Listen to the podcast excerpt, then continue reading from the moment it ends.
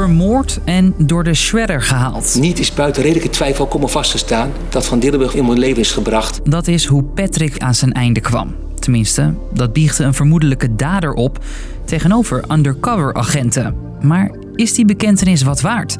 Nou, daarover is de rechter duidelijk. Niet kan worden bewezen dat u dat was. En de rechter zal u ook vrijspreken. De verdachte trapte in de Mr. Big-methode. Die wordt heel zelden gebruikt in moeilijke zaken om een bekentenis te ontfutselen. Het gaat vaak om hele ernstige zaken, vaak moord. Why on earth would somebody confess to a crime they had not committed? Bent u voor of tegen die methode? Absoluut tegen. nooit gebruikt worden? Absoluut tegen. Er was al veel kritiek op en in een nieuwe uitspraak zegt de rechter nu dat de undercovers het niet goed hebben gedaan. Waarom is er zoveel discussie over die Mr. Big-methode? En wie is Mr. Big eigenlijk? Ik ben Jeroen en ik leg het je uit. Lang verhaal kort. Een podcast van NOS op 3 en 3FM. Bouwen is de grote ecstasy-producent. Jij en ik hebben door series misschien wel een beeld bij zo'n undercover missie. Ik ken jou zo wat.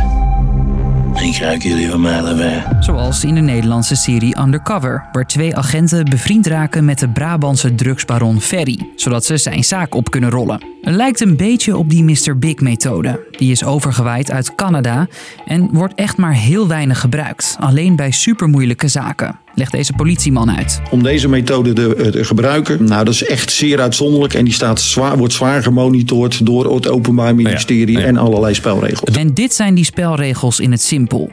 Undercover-agenten doen zich voor als crimineel en winnen het vertrouwen van een verdachte. Ze verleiden hem bijvoorbeeld met mooie spullen en lekkere etentjes en raken uiteindelijk bevriend. De undercovers beloven hem gouden bergen als hij meewerkt aan een nieuw crimineel plan. Maar om daaraan mee te mogen doen, moet hij wel eerst open kaart spelen over zijn verleden. Dat is een eis van zijn opdrachtgever. En dat is dus die Mr. Big. De grote, niet bestaande criminele baas die op de achtergrond aan de touwtjes trekt. Trapt de verdachte in het verhaal, dan bekent hij dus wat hij op zijn kerfstok heeft tegenover de undercover-agent. En die bekentenis wordt gebruikt in de rechtbank. Ook in Nederland is de Mr. Big-methode gebruikt, maar wel maar een paar keer, zoals bij Wim S. Moord op Heidi Goedhart uit 2010 is opgelost. Haar vriend bekend tijdens een undercover-actie.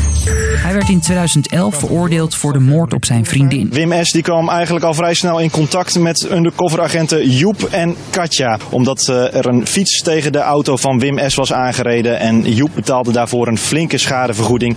En daarna werden ze vrienden.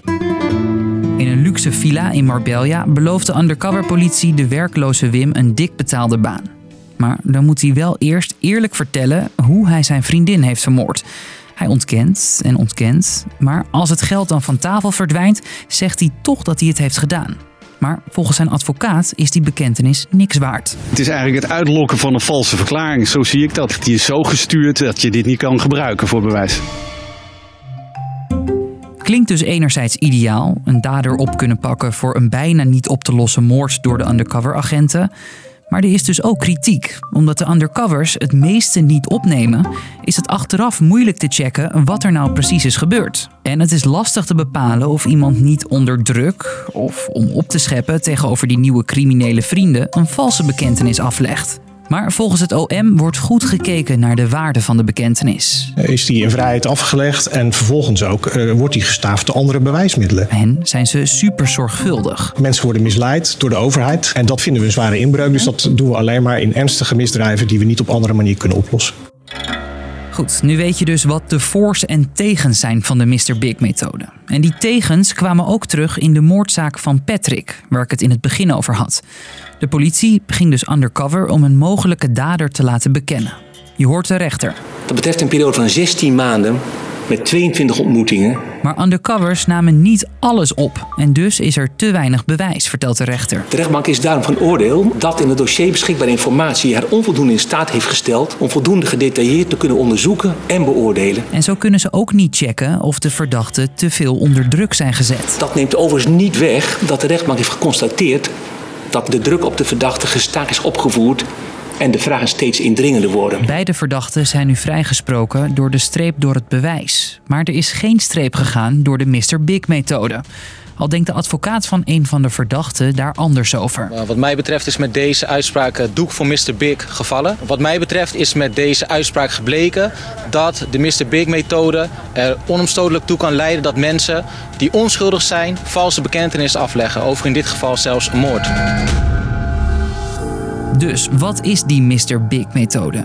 Nou, een manier waarop de politie met undercover-agenten criminelen kan laten bekennen in bijna niet op te lossen zaken. Maar advocaten en experts maken zich ook zorgen, omdat het zou kunnen leiden tot valse bekentenissen. En uh, het antwoord op die vraag, wie is Mr. Big? Nou, die bestaat niet. Laat weten wat je van deze podcast vindt. Geef ons een beoordeling in je podcast-app. En morgen een nieuwe lang verhaal kort. Dank voor het luisteren.